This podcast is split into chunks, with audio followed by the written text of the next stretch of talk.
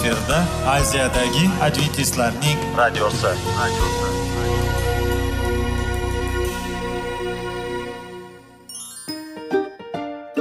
Assalomu alaykum aziz radio tinglovchilar. Sog'liq daqiqasi rubrikasiga xush kelibsiz. Zero tananing sog'lom bo'lishi va uning kasalliklardan saqlash har bir insonning burchi hisoblanadi. Inson uchun bebaho boylik bu sog'liq salomatlikdir. Uni asrash esa har birimizga omonat qilib berilgan. Shuning uchun ham inson o'z sog'lig'ini ehtiyot qilishi voajib amallardan hisoblanadi. Dono xalqimiz sog'liq tuman boylik deb bejiz aytmagan. Aql idroq sohibi bo'lgan inson o'z hayotini qadrlashi lozim bo'ladi. Hozirgi kunda qanchalik dori darmonlar ko'paymasin tibbiy muassa sifati shifokorlar vasiyasi tibbiy texnika yaxshilanmasin. Agar insonning o'z salomatligi haqida qayg'urmasa kutilgan natijaga erishib bo'lmaydi va biz sizlarga bizning dasturimizga xush kelibsiz deymiz.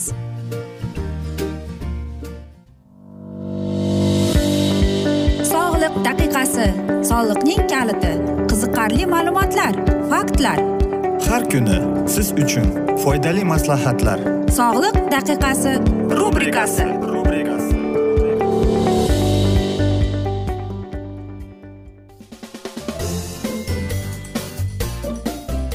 assalomu alaykum aziz radio tinglovchilar. Dasturimizga xush kelibsiz va biz sizlar bilan tana va sog'liq degan dasturda xushvaqt bo'ling deb aytamiz. Va bugungi bizning dasturimizning mavzusi gipertoniya deb nomlanadi va bu ikkinchi qismidir.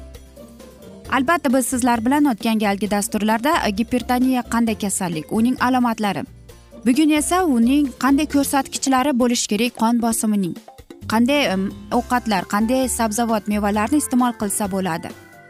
Qarangki gipertoniyani ko'rinmas qotil deb atalishadi ekan. Nega shunday deb? Uning hattoki boshqa nomlari ham bor. Buni gipertoneziya deb ataladi. Buning e, bizning tilimizda aytganda yuqori qon bosimi deb.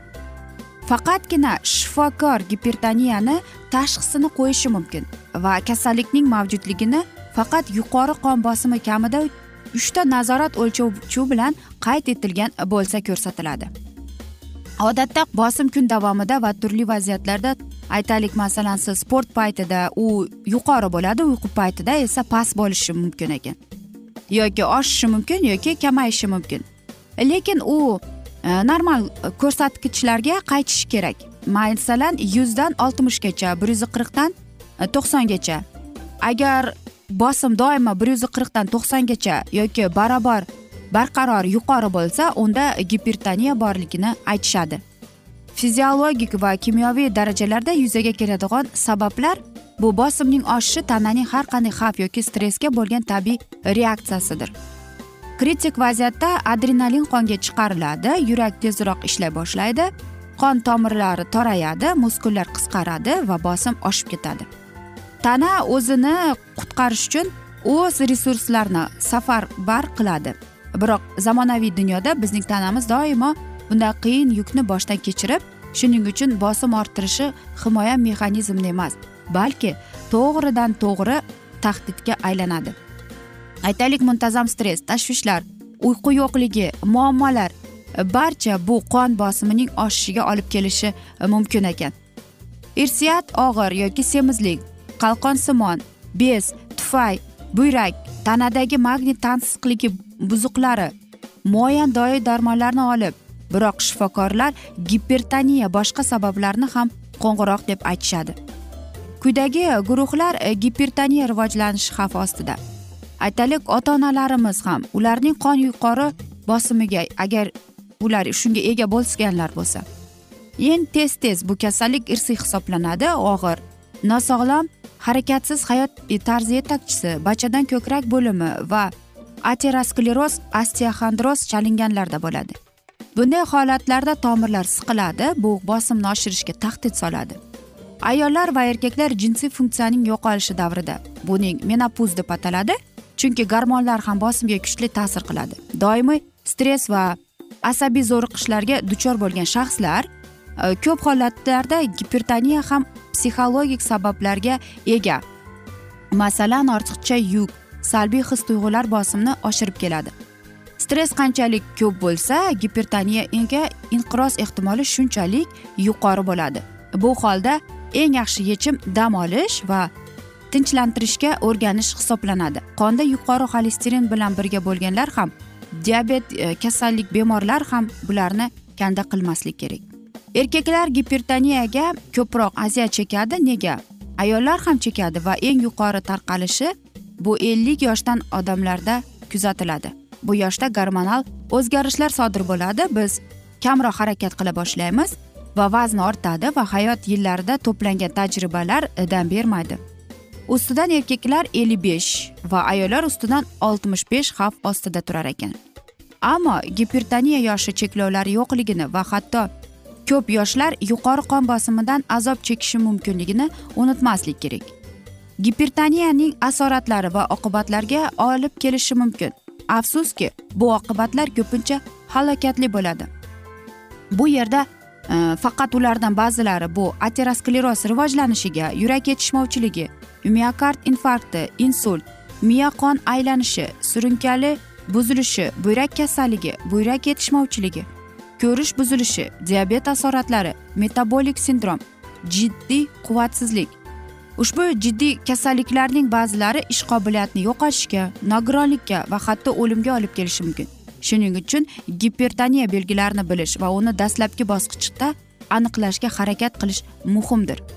Gipertoniyaning um, aytaylik asoratlari juda ko'p. Odatda birinchi belgilari bu tashvish tug'dirmaydi. Ko'pincha odamlar ularga e'tibor ham bermaydilar chunki ular oddiygina ishlaydi va biroz ularga sovuqroq bo'ladi.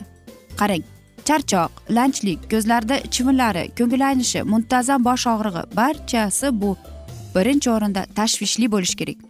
Ushbu alomatlar paydo bo'lganda bosimni muntazam ravishda o'lchashga to'g'ri keladi. Bu izchil yuqori bo'lsa darhol shifokor bilan bog'laning. Bu birinchi darajali gipertoniya o'zini namoyon qiladi. Bundan tashqari quyidagi alomatlar ogohlantirishi kerak. Terlash yuzning qizarishi qo'llarning shishi ertalab shishishi yuzning shishi xotira buzilishi. Aziz do'stlar mana shunday sizlarda alomat bor bo'lsa unda sizga e, maslahat berib o'tamiz. Darrov shifokorga uchrashishingiz kerak. Albatta gipertoniya bilan bu eng og'ir kasallik hisoblanadi. Shuning uchun ba'zi bir insonlar biz yuqorida aytganimizdek ular bilmasdan yoki e'tibor bermasdan ishlab yuraveradi. Biz esa sizlarga e, shifokorga uchrang deb tavsiya etamiz. Va mana shunday asnoda biz afsuski bugungi dasturimizni yakunlab qolamiz. Chunki bizning dasturimizga vaqt birozgina chetlatilgani sababli. Lekin keyingi dasturlarda albatta mana shu mavzuni yana o'qib eshittiramiz. Va sizlarda savollar tug'ilgan bo'lsa biz sizlarni salomat klub internet saytimizga taklif qilib qolamiz. Va biz umid qilamizki siz bizni tark etmaysiz deb chunki oldinda bundanda qiziq bundanda foydali dasturlar kutib kelmoqda. Va biz sizlarga va yaqinlaringizga sog'lik tilagan holda xayrlashib qolamiz.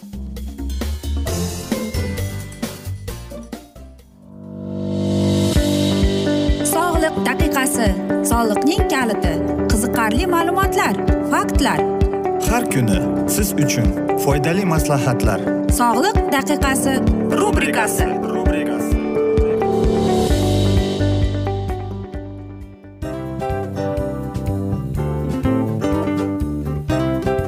Mana ha hayotda hamma narsaning yaxshi narsalar tugaydi va yakunlaydi degandek bizning dasturimizga ham yakun keldi o'ylaymanki bizning dasturimiz sizga foydali bo'ldi deb aziz radio tinglovchimiz. Va siz o'zingiz uchun kerakli xulosalar kerakli maslahatlar olib oldingiz. Aziz radio tinglovchimiz biz bilan qoling va keyingi dasturlarimiz albatta undanda qiziqroq bo'ladi. Mana shu alfozda sizlar bilan xayrlashib qolaman.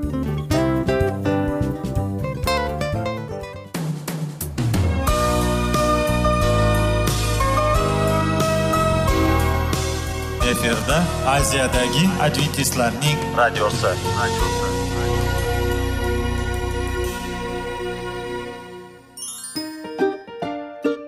Assalomu alaykum aziz radio tinglovchilarimiz. Dil izhori dasturimizga xush kelibsiz. Pul insonni baxtli qiladimi? Albatta yo'q. Sog'liqchi? Albatta bo'lishi mumkindir. Lekin olimlar shuni isbotlashdiki to'liq va mukammal munosabatlar insonlarni baxtli qilar ekan. Albatta biz hayot davomida biz yaqin insonlar bilan odamlar bilan aloqada bo'lamiz va ular bilan munosabatlarimiz qanday kechadi qanday tuziladi? Yigit va qiz er va xotin ota ona va farzandlar va yaqin insonlar bilan. Balkim hozirgi vaqtda kimnidir hayoti yoki munosabatlari buzilyapti. Va bizning dasturlarimiz ularga yordam bo'ladi deb. Va oldinda sizlarni qiziqarli intervyular va mavzular kutyapti va biz umid qilamizki siz biz bilan qolasiz deb.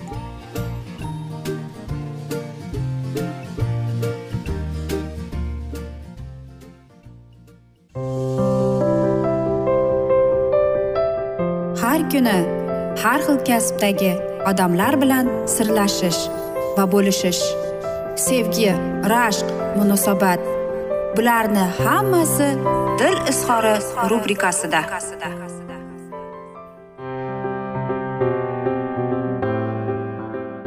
Assalomu alaykum aziz radio tinglovchilar. Dasturimizga xush kelibsiz. Va biz sizlar bilan erkaklar marsdan ayollar veneradan degan dasturda xush vaqt bo'ling deb aytamiz. Va bugungi bizning dasturimizning mavzusi bu albatta bolalar. Ya'ni bolalarga bo'lgan oddiy ko'z qarashimiz aytaylik siz bolani olib tashlamadingiz va bu dunyoga siz chiroyli va go'zal hayotni keltirdingiz ya'ni hayot gulini. Qarang bolalarni ko'rib biz yuzimizga tabassum yuradi to'g'rimi? Axir bolalar bu gul hayoti deb hisoblanadi. Va albatta ko'p bolalar katta bo'lgan sari ota onasiga savollar beradi. Bolalar qayerdan paydo bo'ladi deb. Hech ham javob berishga shoshilmang aziz ota onalar agar siz bilmasangiz qanday qilib farzandingizga buni tushuntirishga? Lekin men yoshligimda ko'p savol berardim ota onamga va mening ota onam ko'plab javoblar berar edi va hammasi har gal bunday savol berganimda bularning javobi umuman boshqa boshqa edi. Masalan onam aytar ediki karamning ichida topdik deb. Odam esa seni magazindan sotib oldik deb. E, yana borib so'rasam yana seni ais topib keldi deb aytishardi yoki aytishardiki seni semchkadan topib oldik deb. Qarang va eng qiziqarli shunday bo'lganki men onamga yana bir bor shu savolni berganimda mening onam aytganki menga shunday dori berganki va sen dunyoga kelgansan deb. Ammo lekin yana bir shunday savollarni beradiki bizning bolalarimiz bizni birozgina devorga suqib qo'yadi ya'ni siz o'g'il farzand ko'rishni xohlarmidingiz deganda albatta bizga javob berishardi. Ha u yerda dorini almashtirib qo'yibdi deb. Yoki ko'p savol javob beraversam e, ular aytardiki sen osmondan tushding yulduz kabi deb aytishardi. Albatta sizlarga bir misol qilib aytaman bolaning ko'zi bilan. Qanday u bizning javobimizni eshitadi? Bir bolacha aytyapti men uch yarim yasharligimda onamdan so'ragan edim. Qanday qilib qayerdan kichkina jaji bolalar paydo bo'ladi deb. E, va albatta e, menga aytishgan bola bola onaning qornidan paydo bo'ladi deb. Keyin esa men uni e, o'sha bolani bog'chaga meni olib borishardi. Va qarang ertasi kuni esa mana shu bola kelib menga aytyapti hech kim bilan gaplashmaydi. Biz so'radik nima bo'ldi nima sodir bo'ldi? deganda u bizga shunday javob bergan ekan. Ona ota sizlar menga yolg'on aytibsiz. Men hech ham onamni qornida o'smagan ekanman deb. Va biz ehtiyotkorona undan so'rabmiz. Sen qanday paydo bo'lding? deganda ular javob berishibdi. U bizga shunday javob berdi qarang. Menga bog'chada aytishdi. Shunday shunday bo'ldi deb va men paydo bo'ldim deb. Albatta men hayratga tushdim va g'azabim keldi. Qanday qilib meni bolamga shunday narsalarni aytdi? deb. Va mana shunday qilib bizga aytishadi. Nimaga shunday bo'ladi? Nega mana shu narsani bolalarga aytishadi? Noto'g'ri. Albatta bola bu hayotimizning mazmuni. Ammo lekin ko'p narsalarni aytmoqchimanki siz mana shu savoliga o'zi javob berishga harakat qilishga unga qo'yib bersangiz. Qarang e, sizlarga bir narsani aytmoqchimizki bir ming sakkiz yuz to'qson yettinchi yil kanadada eng katta bola tug'ilgan. Uning e, bo'yi yetmish olti santimetr bo'lgan vazni esa o'n kilo bo'lgan. Uning onasining e, bo'yin uzunligi ikki yuz yigirma to'rt santimetr yaqinda esa bir ming to'qqiz yuz sakson ikkinchi yili yuarda e, kesir va secheniya bilan bir bola paydo bo'libdi. Uning e, vazni bo'y uzunligi yetmish santimetr vazni esa o'n yarim kilo ekan va bundan tashqari uning og'zida ikki tishi bilan tug'ilgan ekan. Va qarangki o'n bir yoshida bu bola xuddi sakkiz yashar bolaga o'xshab katta bo'lgan ekan va uning vazni yigirma besh kilodan iborat bo'lgan ekan. Va dunyoda hammamiz bilamizki mm, e, bir qiz bor u irlandiyalik u eng dunyoda eng kichkina bola deb hisoblanadi. Chunki u e, o'zining e, o'n to'rt haftadan erta tug'ilib qolgan va uning e, vazni olti yuz yigirma besh grammni tashkil etgan ekan aziz do'stlar. Qarang. Bu ajoyib to'g'rimi? Biz hozirgi e, zamonda ko'p mana shunday hikoyalarni eshitamiz. Ko'plab aytamizki shunday bir sodir bo'lgan narsalarni eshitamiz. Ya'ni yaqinda eshitganim to'qson besh yoshli er xotin ikkala kuchli ya'ni egizak bolani tuqqan ekan. Bu nima degan deymiz to'g'rimi? Agar biz tarixga ko'z yugurtirsak ko'plab qanchalik farzandlar tug'ilganini ko'rib eshittiramiz. Va ginnesning kitobiga bo'yicha mm, bir chililik ayol bor bu albina degan. U qirq to'rt bolaning onasi ekan. Qarang u aytaylik. Emizli bo'lib turib yana ikkinchi bolaga mana shunday homilador bo'lgan ekan. Aziz do'stlar mana. Albatta ko'p farzandli bo'lish bu judayam yaxshi chunki bolasiz uyning mozor deyishadiku. Shuning uchun ham aziz do'stlar lekin qanday qilib biz o'zimizni saqlashimiz kerak? E, va ko'plab aytadiki qanchalik bolaning orasida vaqti bo'lishi kerak deb aziz do'stlar. Hech qanday. Bola paydo bo'ldimi? Xursand bo'ling. Axir bu sizga berilgan ne'mat. Bu sizning hayotingizning mazmuni kelib chiqdi. Shuning uchun ham nima bo'lgan chog'ida ham siz baxtli insonsiz. Biz esa mana shunday asnoda aziz do'stlar bugungi dasturimizni yakunlab qolamiz chunki dasturimizga vaqt birozgina chetlatilgani sababli. Lekin keyingi dasturlarda albatta mana shu mavzuni yana o'qib eshittiramiz. Va biz umid qilamizki siz bizni tark etmaysiz deb chunki oldinda bundanda qiziq bundanda foydali dasturlar kutib kelmoqda. Biz esa sizlarga va oilangizga tinchlik totuvlik sog'lik salomatlik tilab seving seviling deb xayrlashib qolamiz.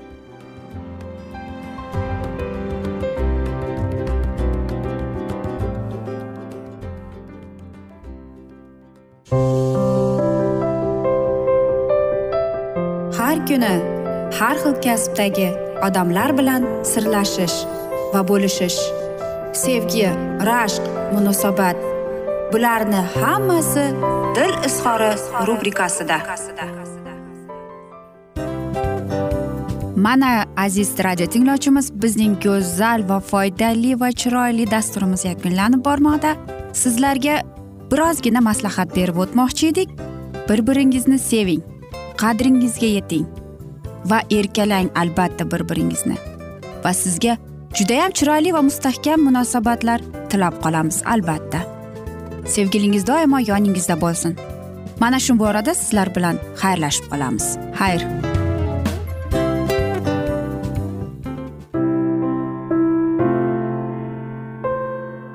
Hayotning noni. Qiziqtirgan savollar va javoblar.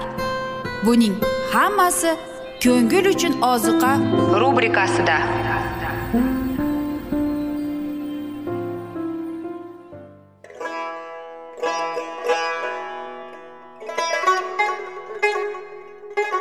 Assalomu alaykum aziz radio tinglovchilarimiz. Ko'ngil uchun oziqa rubrikasida xush kelibsiz deymiz. Siz haqiqatni izlayapsizmi? Olamnimi? Umidnimi? Siz kimga murojaat qilmoqchisiz? Odamlar ko'pincha siyosat kuchiga tayanadilar. Dunyo iqtisodiyoti holati tobora chuqurlashib bormoqda. Tabiiy ofatlar va texnogen halokatlar minglab insonlarning hayotini olib ketib juda katta zarar yetkazmoqda. Sizga abadiy hayot inomini hadya qiluvchi va hayotingizni tubdan o'zgartiruvchi haqiqatni izlab toping. Xudo haqidagi haqiqat uning kalomida mujassamlashgan. Kimki bu haqiqatni butun qalbi bilan izlasa albatta unga yetishadi. Bu sevgi xudoning tarixidir. Hayotingizda yoki sizning yon atrofingizdagi olamda nimalar yuz berishidan qat'iy nazar? Siz ertagi kunga buyuk umid va ishonch hosil qilishingiz mumkin. Hozirda xudo sizga taklif qilayotgan umid ishonchga o'z qalbingizni oching va sizni qiziqtirayotgan mavzularni savollaringizga javoblaringizni topib olasiz deb umid qilamiz. Biz bilan qoling.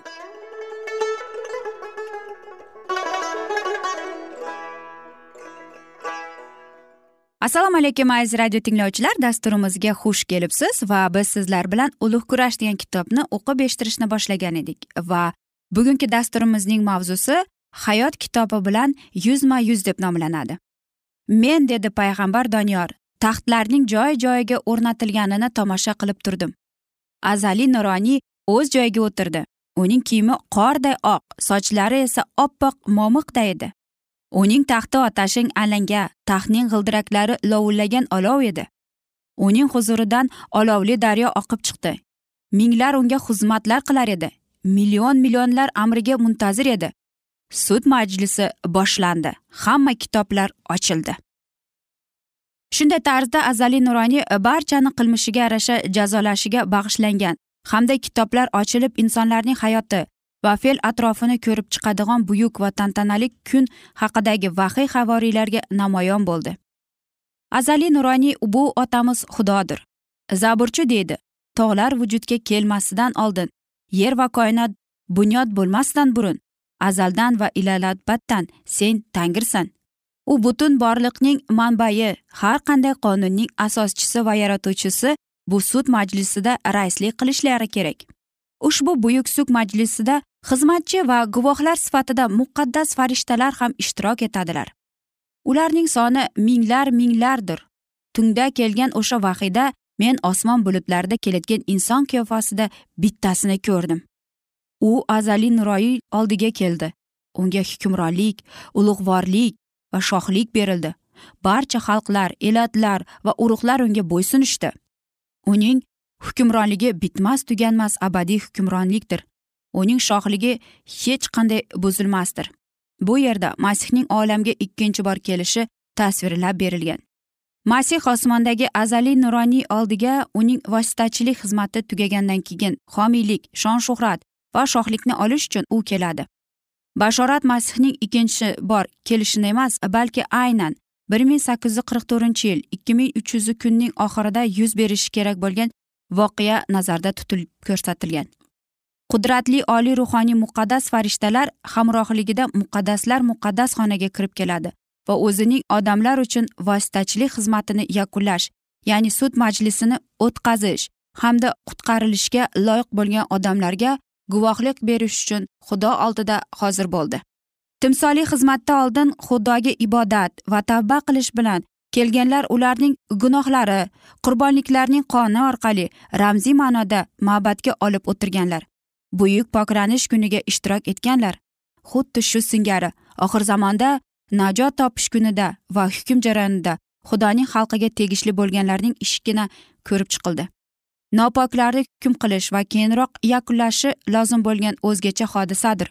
Xudoning o'z xonadonini hukm qilish vaqti allaqachon boshlandi. Agarda biz birinchi navbatda hukm qilinadigan bo'lsak unda xudoning injiliga itoatsizlik qilganlarning oxiratda nima bo'ladi? Odamlarning qismati samoviy kitobga kiritilgan barchaning ismi va qilgan ishlariga muvofiq hal etiladi. Payg'ambar doniyor dedi sud majlisi boshlandi. Va kitoblar ochildi. Vahiy kitobining muallifi ana shu hodisani tasvirlar ekan quyidagilarni qo'shimcha qildi. Kitoblar ochildi. Hayot kitobi degan boshqa bir kitob ham ochildi. O'liklarning har biri kitoblarda yozilgani bo'yicha qilmishlariga yarasha hukm etildi. Qachon bo'lsa ham xudoga xizmat qilganlarning ismlari hayot kitobida yozilgan bo'ladi. Iso o'z shogirdlariga dedi nomlaringiz osmonda yozilganidan quvoninglar deb. Pavlus shuningdek ismlari hayot kitobiga yozilgan sodiq hamkorlari haqida gapiradi. Doniyor oxir zamon paytida misli ko'rilmagan dahshatli azob uqubitlar davrida boshlanishiga qarab turib o'sha paytda xudoning kitobiga ismi yozilgan har bir odam najot topishi mumkinligi to'g'risida aytadi. Vahiy kitobi muallifining ta'qidlashicha xudoning shahriga faqat qo'zining hayot kitobi yozilganlar kiradi. Xotira kitobi xudo huzurida yoziladi va unga egamizdan qo'rqqan va uning nomini e'zozlagan barcha insonlarning ishlari kiritiladi. Ularning e'tiqod so'zlari sevgi ishlari osmonda yozilgan mana shunga asoslangan nahimiya deydi. Ey xudoim qilgan bu ishlarimni yodingda tut. Mendan marhamatingni darg'iz tutmagin. Sening uying uchun va uyingda o'tkaziladigan sajda marosimlari uchun sadoqat bilan qilgan savob ishlarimni unutma. Xudoning xotira kitobiga har qanday solih xizmat esdalik sifatida kiritiladi. Unda turlicha sinovlardan muvaffaqiyatli o'tadigan holda yovuzlik ustidan qozonilgan har bir g'alaba har bir shirin so'z qayd etilgan. Xotira kitobida har qanday fidokorona harakat masih uchun tortilgan har bir azob uqubat va dard alam yozib qoldirilgan. Zaburchi deydi g'urbatimni sen hisobga olgansan. Ko'z yoshlarimni shishangga solib ko'rgin. Ular sening kitobingda yozilganku. Kitobda shuningdek odamlarning gunohlari ham qayd etilgan. Har bir ishni hatto yashirin qilgan ishlarni ham yaxshi yoki yomon bo'lishidan qat'iy nazar xudo hukm qiladi. Insonlar aytadigan har bir bekor so'zi uchun qiyomat kunida hisob beradilar. Sen o'z so'zlaringning asosida yo oqlanasan yoki ayblanasan. Ushbu xatosiz solnomada barcha yashirin o'y niyatlar hamda xohish istaklar mujassamlashgan. Zero rabbiy kelib zulmatda yashirilgan narsalarni ravshan qiladida dil niyatlarni voqif etadi. Mana hammasi ko'z o'ngimda yozib qo'yilgan deydi. Men jim turmayman ularni jazolayman deydi. Aziz do'stlar mana shunday asnoda afsuski biz bugungi dasturimizni yakunlab qolamiz chunki dasturimizga vaqt birozgina chetlatilgani sababli. Lekin keyingi dasturlarda albatta mana shu mavzuni yana o'qib eshittiramiz. Va sizlarda savollar tug'ilgan bo'lsa biz sizlarni adventis tochka ru internet saytimizga taklif qilib qolamiz. Va albatta biz sizlarga va yaqinlaringizga sog'lik salomatlik tilab o'zingizni va yaqinlaringizni ehtiyot qiling deb xayrlashib qolamiz.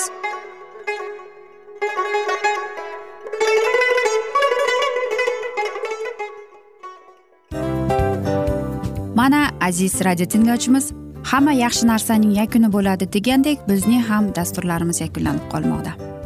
Aziz do'stlar o'ylaymanki bizning dasturlarimiz sizlar uchun judayam foydali bo'ldi deb bizning dasturlarimizdan siz o'zingizga foydali va judayam kerakli maslahatlar oldingiz deb. Masalan sog'liq borasida biz sizlarga sog'liq tilaymiz albatta lekin bizning maslahatlarimizga ham amal qilishga unutmang. Munosabatlarga kelganda bu munosabatlar chuqur va yaxshi bo'lishi uchun uni ustidan ishlash kerak albatta. Diniy masalaga kelsak aziz do'stlar bu judayam jiddiy va chuqur nazarni talab qiladi. Ammo biz sizlar bilan xayrlashib qolmaymiz keyingi dasturlarda eshittirishimizni davom ettiramiz va sizlar bilan mana shu yaxshi kayfiyatda xayrlashib qolamiz. Va keyingi dasturlarda ko'rishguncha xayr!